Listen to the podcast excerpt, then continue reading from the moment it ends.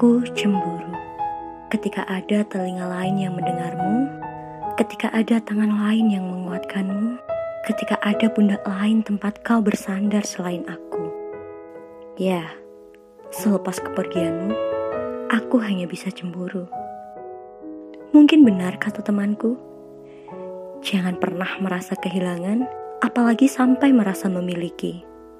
Semua itu hanya titipan, ikhlaskan dia pergi.